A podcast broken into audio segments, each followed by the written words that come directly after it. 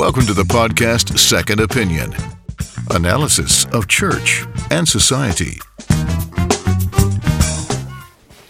Då hälsar vi välkommen tillbaka till podden Second Opinion. Det har varit väldigt roligt att höra eh, de positiva reaktionerna som vi har fått in här till eh, podden. Och eh, vi ska nu fortsätta med avsnitt nummer två här på, på Second Opinion. Stefan, har ju precis, du har ju precis varit i USA. Eh, vad är det stora samtalsämnet där borta förutom det, uppenbar, det uppenbara med presidentvalskampanjen? Ja, jag känner att jag var tvungen att, att fly landet under eh. Det finns saker som man inte riktigt kan stå ut med. Ja. Eh, så eh, ja, jag har varit i, eh, i New York och jag är ju lite av ett, eh, ett fan till, eh, till Förenta Staterna det finns ju förstås mycket som är, man kan ha synpunkter på i detta land. Mm, men det är också... Precis, som alla andra länder. Som alla andra länder. Men det är också mycket som är fascinerande och, mm. och spännande. Det mm. pratades ju mycket om presidentvalet förstås. Eh, och så seglade det upp en, en mycket konkret eh, fråga som handlar om eh, eh transsexuellas rättigheter. Alltså det är alltså en identitetspolitisk debatt där de som eh, se sig själva som transsexuella, hur de ska kunna röra sig i det offentliga rummet, tänker du? Ja, det, det har blivit en, en konkret situation. En, eh, en person som är biologiskt sett är en man men identifierar sig som kvinna. Och då är frågan, eh, kan den personen få använda eh, eh, kvinnornas eller tjejernas omklädningsrum på en skola? Eh, och jag måste säga att jag, jag tycker det är be, bekymmersamt när man reser runt i USA och så ser man ju både sånt som är fascinerande men man ser också alla utmaningar som finns i det landet. Den, den kvardröjande rasismen, de väldigt många som fortfarande lever i fattigdom trots att mm. landet är, är så rikt. Och att se hur eh, journalister och presidenten istället för att engagera sig i de här stora frågorna, hur kan vi lyfta eh, landet? Att man ska gå in med Eh, lagstiftningsvägen att styra sådana här frågor. Det här är en fråga, jag förstår att här, det är en problematik, men eh, man borde kunna lösa den på ett, ett pragmatiskt sätt.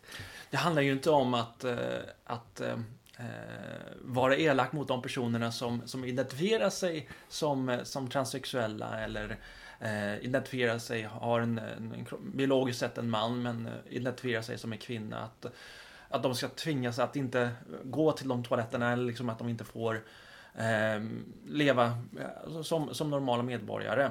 Eh, utan det handlar om en mer djupare problematik. Eh, eller hur? Ja, man kan... men, eh, eh, man, man behöver ju fundera igenom här hur ska några få personers problematik, i vilken mening måste den påverka alla andras? Så Eh, diskussionen gick ju het, eh, het i USA förstås eh, eh, kring också majoritetens rättigheter. Så här blir ju en, en diskussion kring eh, förhållanden mellan minoriteter och majoriteter mm. i en sån här fråga. Mm. Där jag tycker att man istället för att, att driva igenom som nu presidenten har gått ut och, och sett till att det finns eh, vägledning som har mm. väldigt hög, mm. hög auktoritet. Mm. Som då ska tvinga skolor att, eh, att öppna mm. omklädningsrum också för en person som, eh, som biologiskt sett inte har det könet som det mm. omklädningsrummet är avsett för. Mm. Jag menar att man skulle kunna lösa det här på ett mer, mm. ett mer pragmatiskt sätt. Och sen borde vi ägna oss åt faktiskt de större samhällsfrågorna. Det finns ju många problem i USA som du nämnde med fattigdom, kvardröjande rasism. Eh, och, det, och, det, blir lite konstigt, eh, säkert för Obama, att det här blir det sista stora han gör innan han avgår. Eh, för det finns ju också en, en inbyggd problematik i detta där även de som eh, biologiskt sett är män inte, inte kämpar med den här problematiken har egentligen fritt fram att kunna gå in i ett kvinnligt omklädningsrum eller en kvinnlig toalett. Eh, eh, och skapa, skapa liksom den här formen av oro den här lagstiftningen inte är avsedd för. Det öppnar ju för alla möjliga sorters eh, missbruk eh, mm. förstås. Mm. Eh, det gick runt på Facebook här en, en, en, rolig kommentar, en bild på John F Kennedy och så stod det maj 1961. Och Kennedys målsättning We are going to put a man on the moon. Mm. Och sen under det var det en bild på eh Barack Obama, eh, maj 2016. We are going to put men in women's restroom. Och det är klart, det är lite olika mm. nivå på mm. visionerna. Mm. Precis, det, det sätter lite grann av en, av en bild av vad som blir den kvardröjande eh, bilden av, av, av det här presidentskapet. Vi får ju se vad, hur, hur det här utvecklar sig. Eh, det är ju långt, eh, ett par månader kvar innan, innan valet är i, i höst. Eh, det har ju också varit en liknande identitetspolitisk debatt i Sverige kring just normkritik och queerteorier och deras roll i skolans värld, där Olof Edsinger som så småningom kommer medverka här i podden mm. har, har, skrivit en, en del om detta i, i vår nya idéskrift När minoriteten tar majoriteten som gisslan. Och, eh, och den här frågan som har att göra med könsneutrala eller eh, könsneutrala toaletter har även varit till en stor diskussion i Sverige. Och det är ju väldigt intressant i det här avseendet att staten i form av utbildningsinstitutioner skyndar sig för att tillgodose vissa minoriteter i en fråga som skulle kunna lösas enkelt och pragmatiskt mm, på, på mm. varje plats.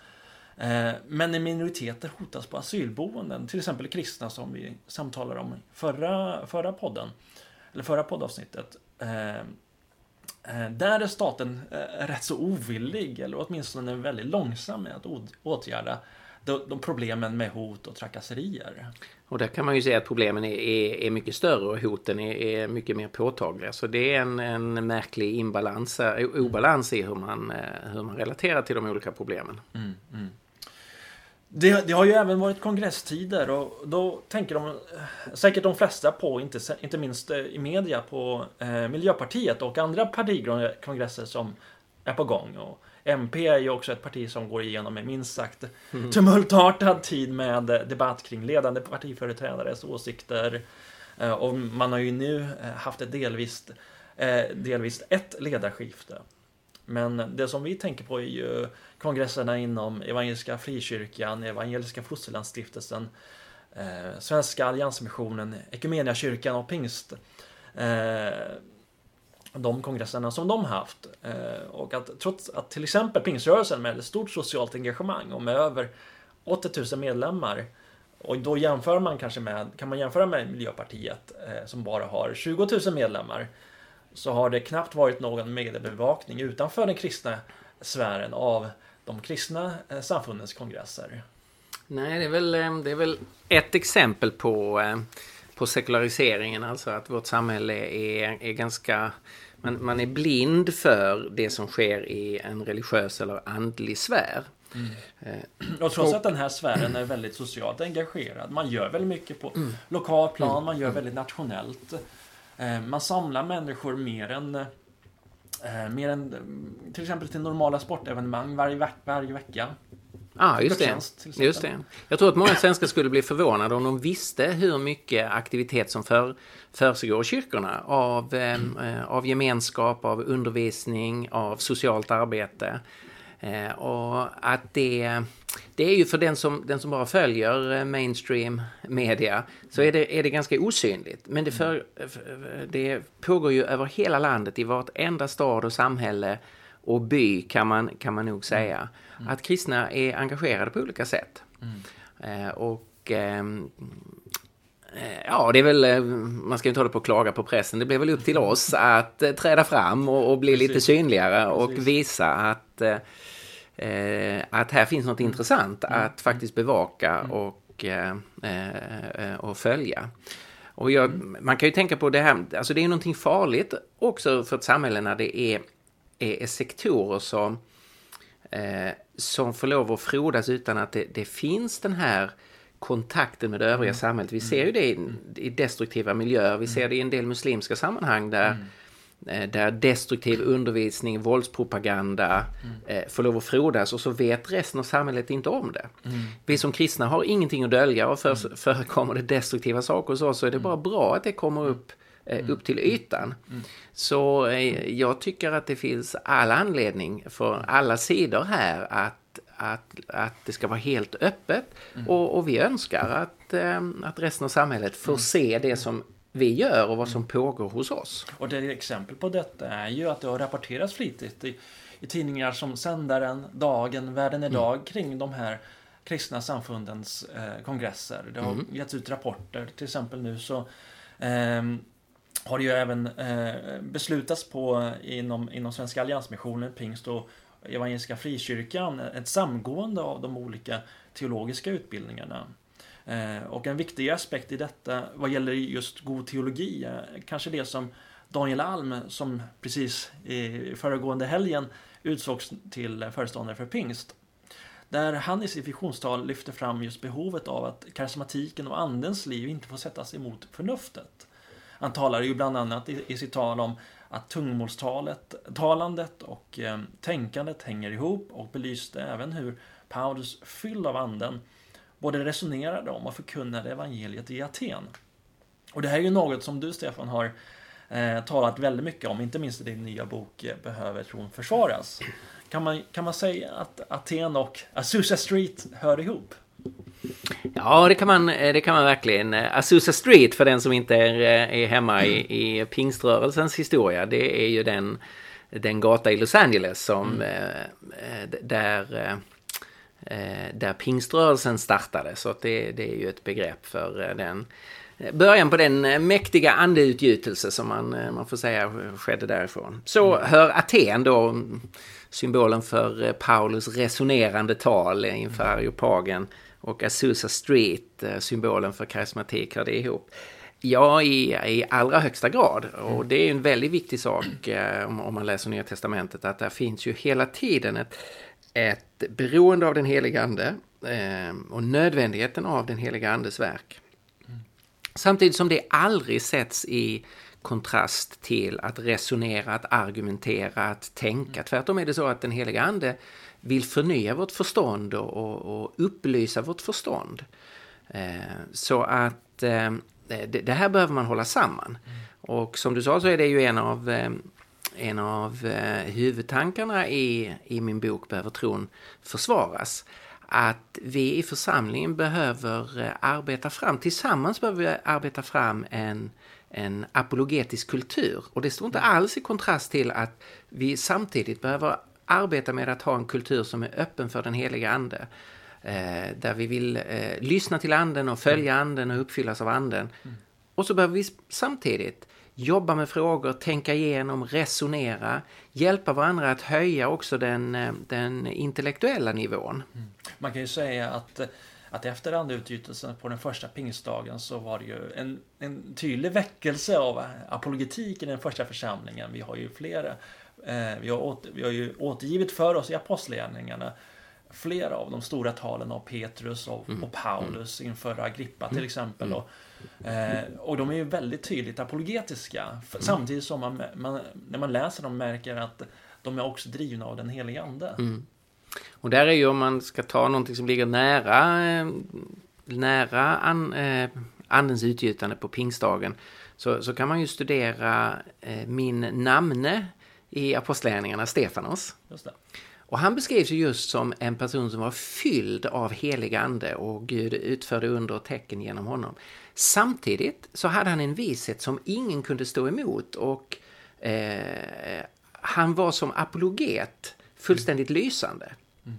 Eh, och, och där kan man se hur eh, ande och argument mm går samman mm. i, eh, i hans liv. Så eh, om man vill studera något intressant så kan man läsa i början av, av Apostlagärningarna om Stefanos så ser man hur det här sammanfaller. Och man kan det här är också ett stort behov som, som vi i Evangeliska Alliansen ser eh, hos svensk kristenhet, vi som eh, bekänner oss som väckelsekristna mm. Eh, och tillhör den, den traditionen har ju inte alltid varit kända för att, att betona tänkandet.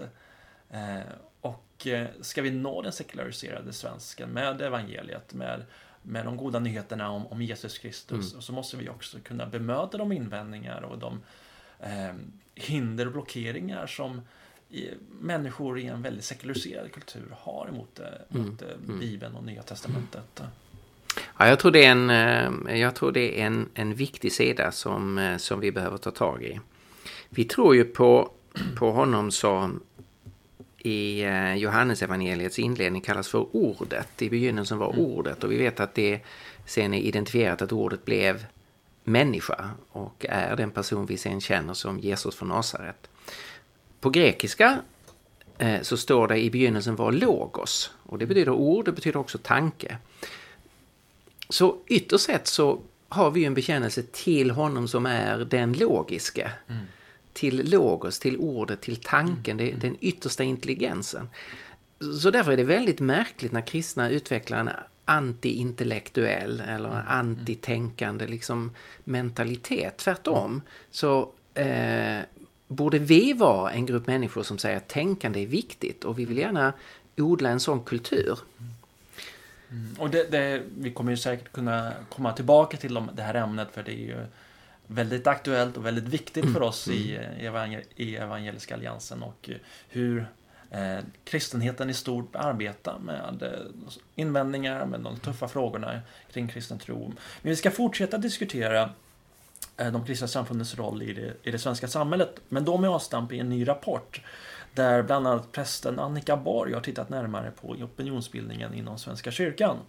Som, eh, och opinionsbildning är ju en, en, en, prioriterad fråga inom, inom Svenska kyrkan som ju också är Sveriges största medlemsorganisation och en etablerad aktör i den svenska debatten kring politik och samhälle. Och den, den intervjun kommer alldeles strax. The Swedish Evangelical Alliance Christian Faith and Public Opinion Då fortsätter vi med eh, Annika Borg i det här avsnittet och eh, pratar med, eh, med henne om en ny rapport som hon tillsammans med eh, religionsvetaren Ele Gönder har skrivit för tankesmedjan Timbro. Och då har man analyserat och granskat kyrklig opinionsbildning och då med fokus på Svenska kyrkans opinionsbildning. Och deras slutsats är att det finns ett glapp mellan vad medlemmarna förväntar sig av vad Svenska kyrkan ska syssla med eh, vilken form av opinionsbildning man driver eh, och att den opinionsbildningen som eh, allt för ofta kommer, eh, allt för ofta kommer från kyrkokansliet i Uppsala eh, präglas av en vänsterideologisk eh, eh politik. Och Annika, frågar dig, varför ville ni eh, granska eh, Svenska kyrka, just Svenska kyrkans opinionsbildning? Ja, det här är ju en fråga eh, kring vad Svenska kyrkan kommunicerar och då kyrkoledningen i vid mening. Det är ju biskopsmöte och också enskilda företrädare i ledningen så att säga som går ut och, och gör olika typer av opinionsbildande utspel. Och på ett sätt ska det ju naturligtvis, det, det ska ju vara så, kyrkan ska ju vara en röst i samhället, det är ingen som bestrider det. Men, men vad är det man driver för linje och vad menar man? Menar man säger att kyrkan ska vara politisk? Vad betyder det för något? Det är sånt som som ja, vi har funderat över ganska länge. Och så har vi skrivit den här rapporten för att belysa det. För kyrkan, Svenska kyrkan då granskas ju inte eh, så mm. mycket och så ofta. Och lyfter man upp Svenska kyrkan, ja då antingen så handlar frågorna om kvinnoprästmotstånd eller också handlar det om synen på homosexualitet eller så gör man något liksom väldigt polariserat kring det och så är det klart. Men Svenska kyrkan är ju en, en Sveriges största organisation. Mm. Just det här med att den är Sveriges största medlemsorganisation med 6,1 eh, ungefär 6,3 6,3 miljoner mm. medlemmar. Och man, man betalar sin avgift via skattesedeln. Det är ju väldigt intressant utifrån eh, ett journalistiskt perspektiv att granska vilka former av opinionsbildning. Och så som du nämner så har ju journalister tidigare eh, fokuserat på frågan som rör homosexualitet, eh, samkönade relationer, äktenskapsfrågan, ämbetsfrågan och kvinnoprästmotståndet och så. Och när jag läste den här rapporten så tyckte jag att ni fångade rätt så väl i att, att den frågan eh, känns, eh, känns som att den är nästan söndertrasad att eh, man, man, man, har bearbetat den frågan väldigt mycket journalistiskt och ni vill lägga an ett annat perspektiv. Eh, se på vilket sätt man, man bedriver opinion mm. i andra frågor. Mm. Just från kyrkokansliets... Eh, ja, från kyrkoledningen i, vidare, i vidare mening. Ja. ja. kyrkoledningen i vidare mening, alltså biskopsmöte och, ja. och också kyrkomöte och, och så. så att, nej, men det, det, det, är ju så att, att eftersom det är en så stor kyrka och en av världens rikaste kyrkor, en av världens största kyrkor Eh, så, och som är rikstäckande och som har oerhört mycket resurser till sitt förfogande då på, på nationell nivå men även på stiftsnivå för att, för att kommunicera. Så vill ju vi veta vad är, vad är det man gör. Liksom. Det är ju jätteviktigt och det är väldigt märkligt att man inte eh, mer granskar eh, den här organisationen. Det finns ju, alltså vad gör man med pengarna? Vad är, vad är det för någonting som man gör anspråk på när man säger att man är en kristen röst? På vilket sätt, vad är det man säger för någonting?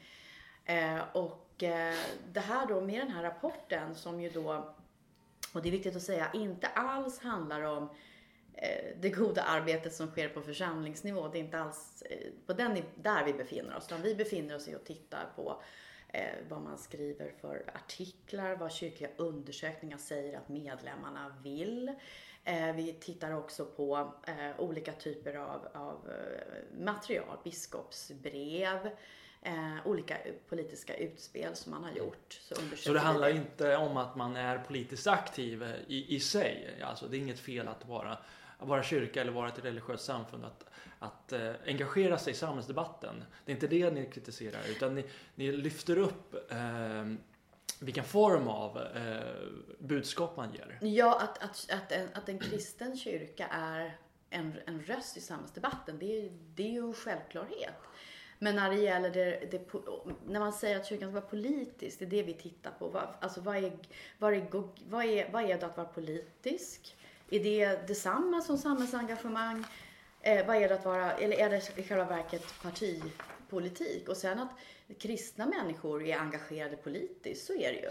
Men eh, i en mängd olika olika riktningar, partier och sammanslutningar. Det finns ju inte en kristen politisk uppfattning. Utan, och det är ju inte heller så att, att kristna människor har ett större politiskt förnuft än andra människor. Eller kristna, politiska, eller kristna ledare har ett större politiskt förnuft. Så vi menar att man har inte, eh, om det nu är så att det här är partipolitiskt, det är det man menar, så har man inte det mandatet att driva sådana frågor. Och vi visar ju då med konkreta exempel att att den här, det här är, när man säger att kyrkan ska vara politisk, då har det en slagsida åt vänster.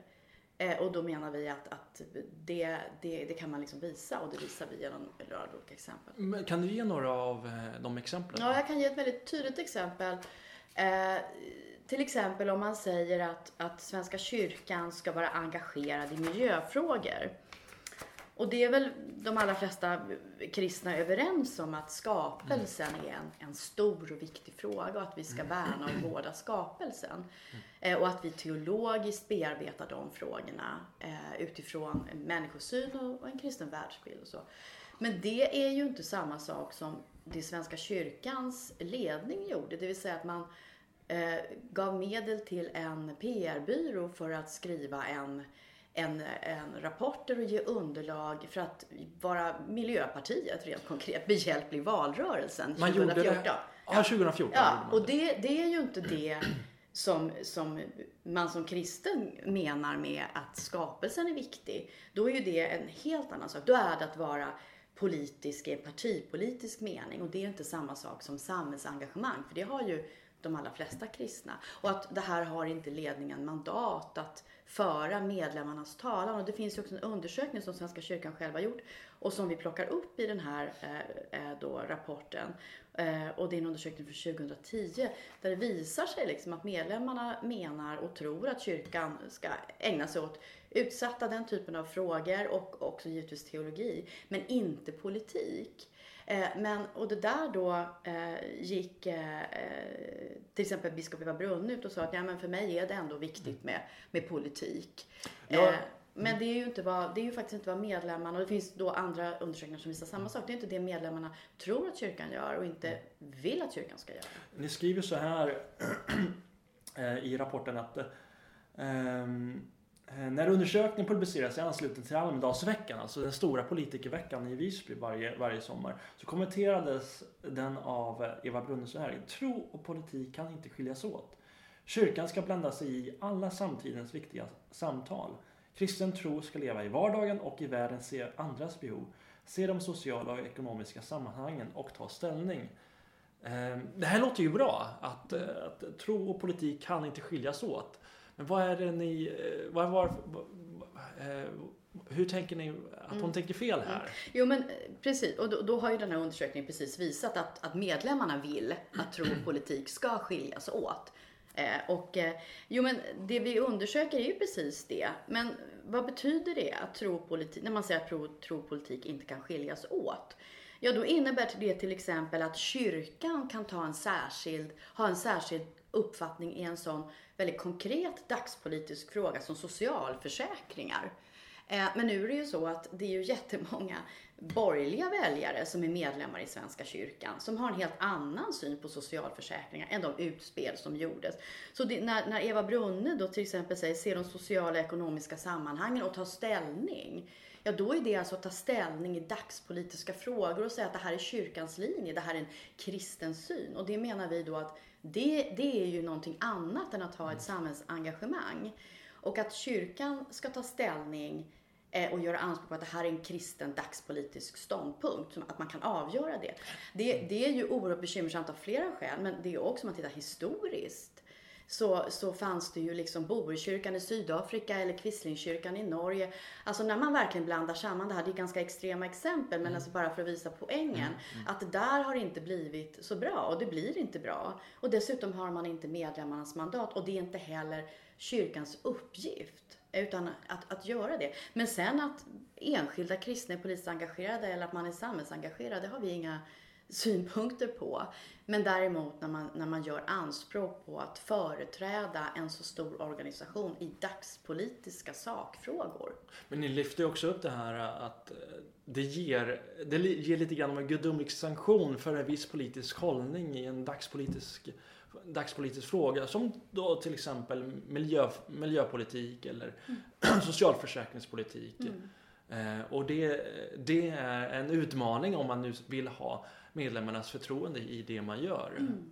Ja men absolut. Och det, det blir ju att man då eh, ger en, en, en legitimitet. Man använder kyrkan och sin position som en plattform för att föra en egen politisk agenda. Och det menar jag, det, är- det, det är helt fel.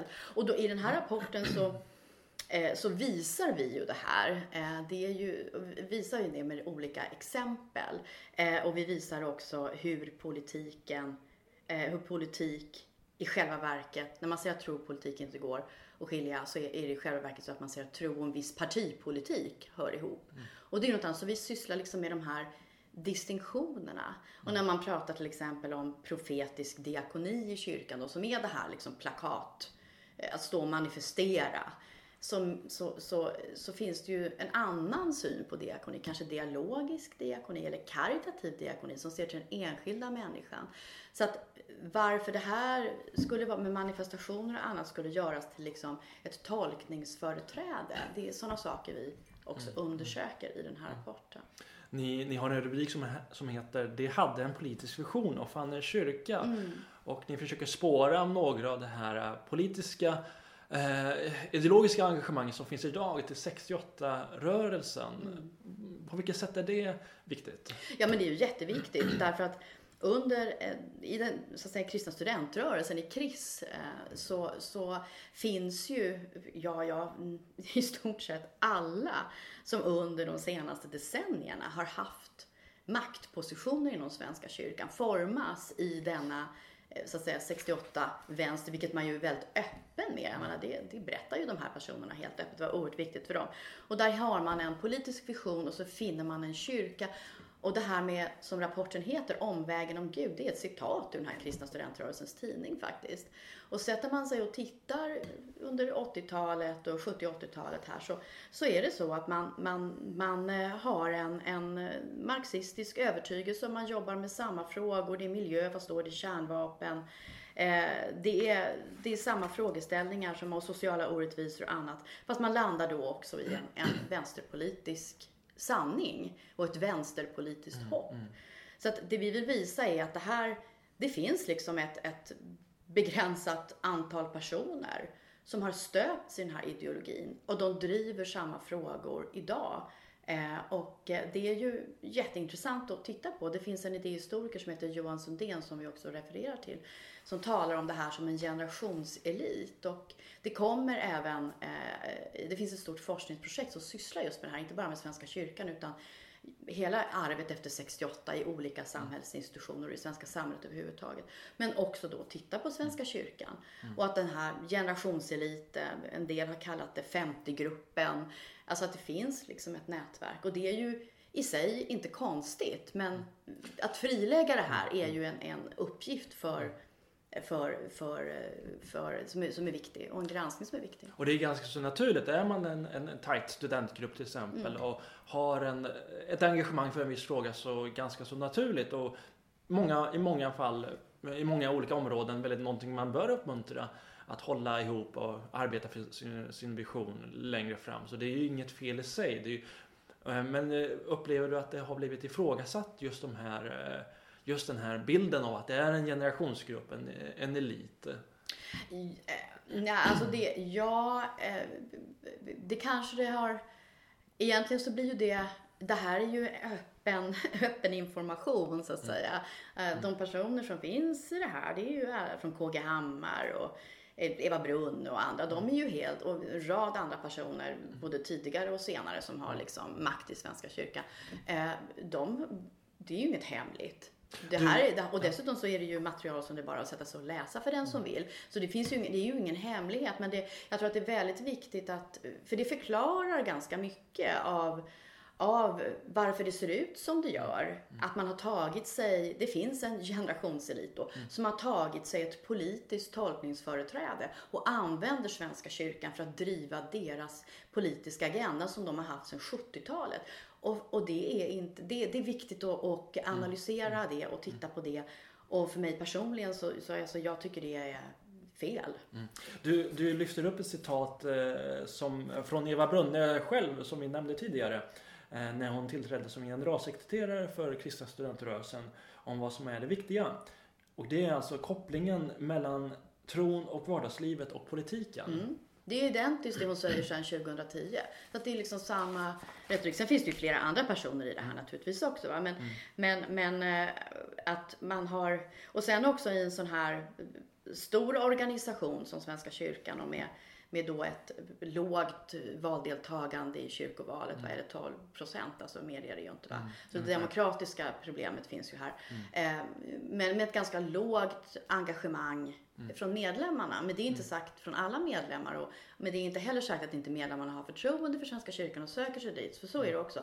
Men då, då, finns, då är det ju så att då kan ju en grupp eller en elit eller så också få ett väldigt starkt inflytande. Det har ju hänt i andra organisationer. Men just för att Svenska kyrkan är stor, rik, jätterik, mm. spelar liksom i lyxklassen så är det här otroligt viktigt att titta på. Och nu har vi skrivit en rapport på 30 sidor som, som, som, som diskuterar det här som, och som visar liksom både hur medlemmarna ser på Svenska kyrkan, mm. eh, hur, eh, hur Svenska kyrkan opinionsbildar och hur man hamnar i det här då partipolitiska politiska då, diket som jag ser det. Och vi hoppas ju att det här då är en, det här är ju, ska då följas av mer granskning. Eh, det är en inbjudan till det. Mm, mm. Och det finns ju massa olika saker att titta på. Men just att de här frågorna kring kvinnoprästmotstånd eller synen på homosexualitet, alltså det blir också Svenska kyrkan är ju, skulle jag vilja säga, Sverige, alltså världens mest liberala kyrka.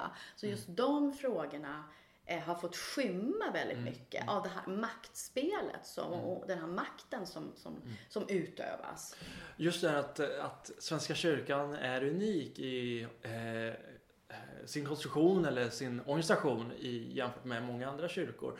Det har ju också att göra med eh, det partipolitiska Eh, systemet som finns inom Svenska kyrkan. Eh, en hel del eh, nomineringsgrupper som inte representeras av olika politiska grupperingar och partier men samtidigt så finns det också partier som Centern, Socialdemokraterna och Sverigedemokraterna mm. i Svenska kyrkan vars partiprogram bestäms utifrån deras egna nationella organisationers årsmöten eller kongresser. Mm, mm.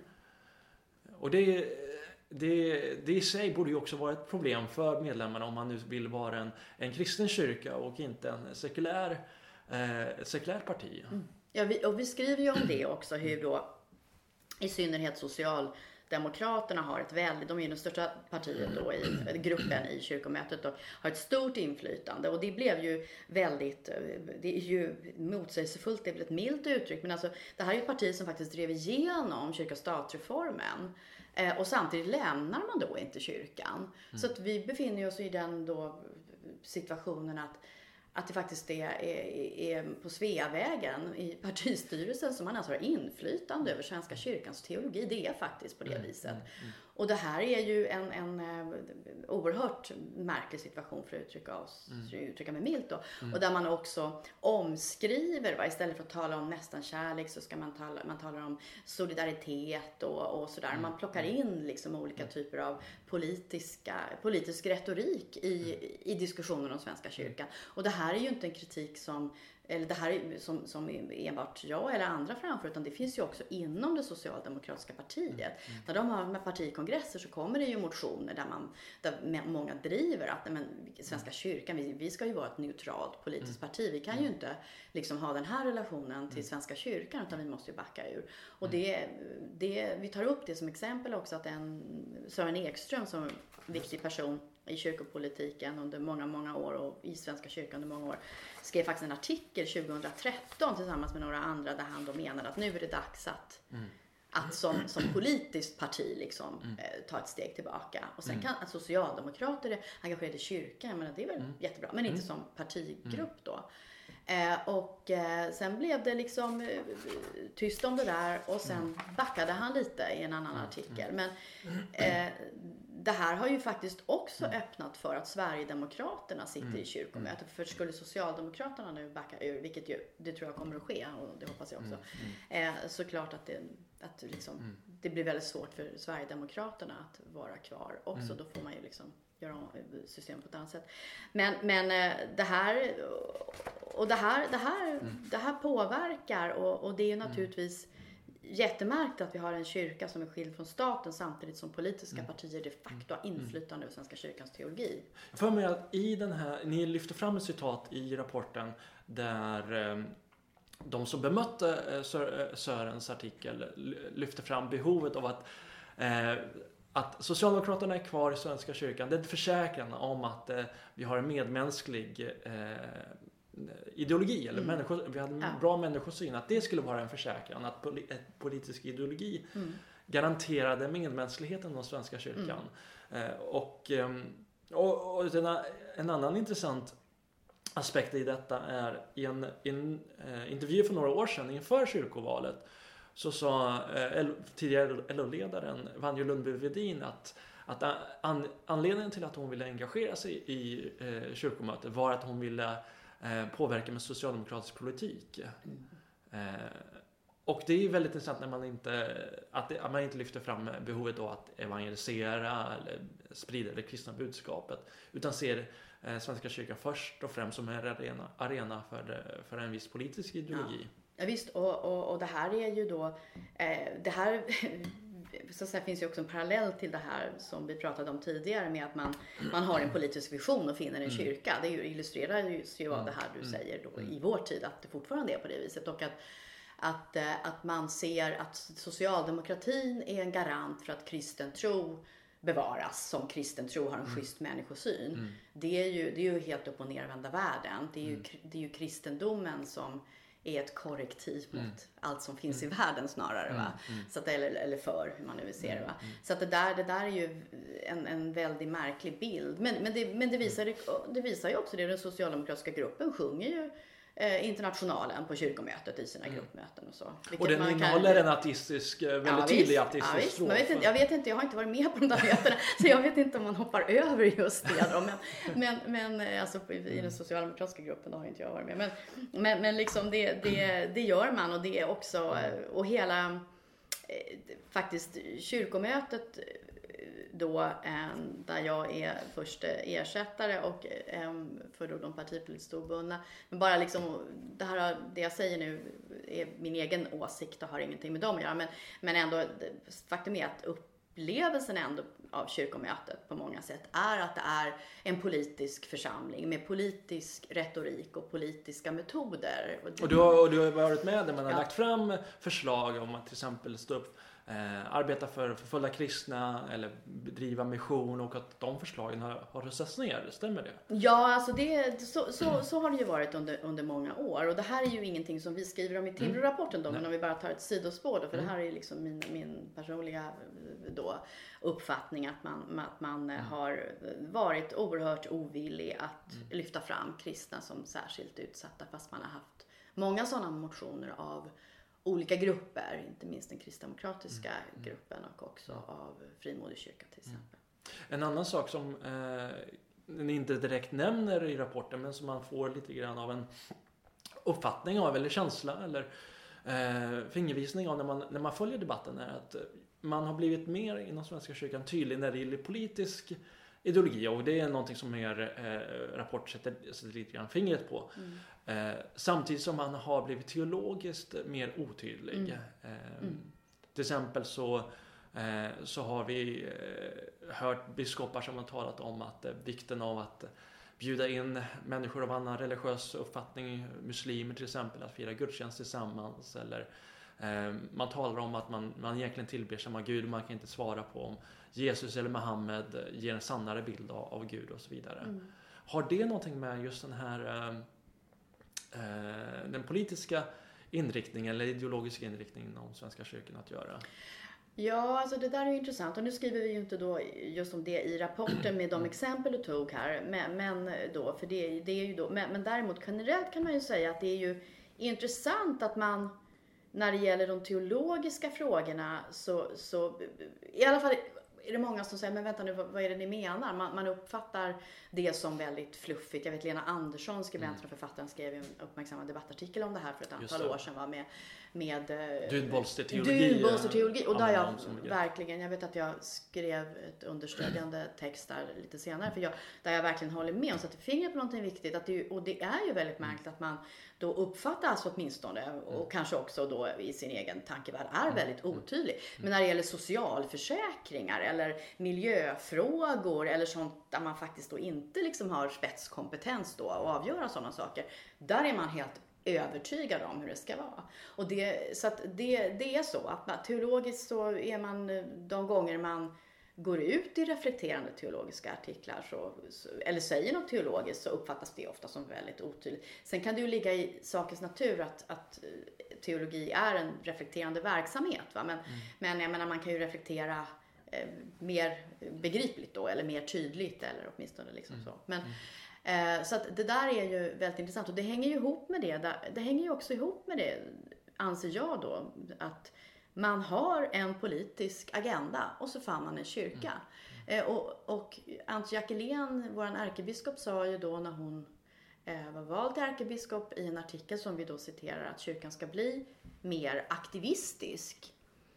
Eh, och eh, eh, det där är ju, det har, det, blivit, det har blivit mer av det faktiskt sen, sen kyrka-stat-reformen och, och Att den har blivit mer politisk Ja, sen separerad ja från man staten. trodde ju att det skulle vara tvärtom. Men jag tror att det, det beror ju också, ja, det har, blivit, det har blivit mer av det, vilket kan vara förvånande. ehm, och ehm, otydligt runt teologiska frågor. Och det är ju det som man, och det blir, en sak, det är ett bra exempel att till och med Birger Schlaug då, som ju är miljöpolitiker, miljöpartispolitiker och är duktig på de här frågorna. Han eh, sa då i en rapport som kyrkan kom med att, men vad är det här? Här är ju liksom, varför, det finns ju inget teologiskt djup, varför ägnar ni er inte åt det? Ungefär så. För det här är ju liksom, det här är ju bara liksom väldigt grunt kring miljöfrågor. Så att, eh, alltså, det är en, en, en, en kyrka är ju inte vilken organisation som helst, vilken politisk organisation som helst eller mäns, mänskliga rättigheters organisation, utan det är en kyrka.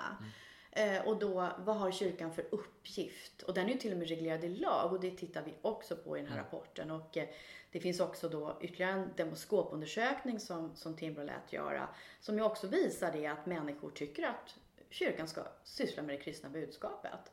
Eh, och, eh, ehm, och, och sen också en, en undersökning kring pressmeddelanden, det vill säga vad Svenska kyrkan själv tycker är viktigt att kommunicera ut liksom nationellt till, till människor. Som också visar att, att det är en slagsida mot andra frågor än det som man kanske tänker sig att en kristen kyrka ska syssla med.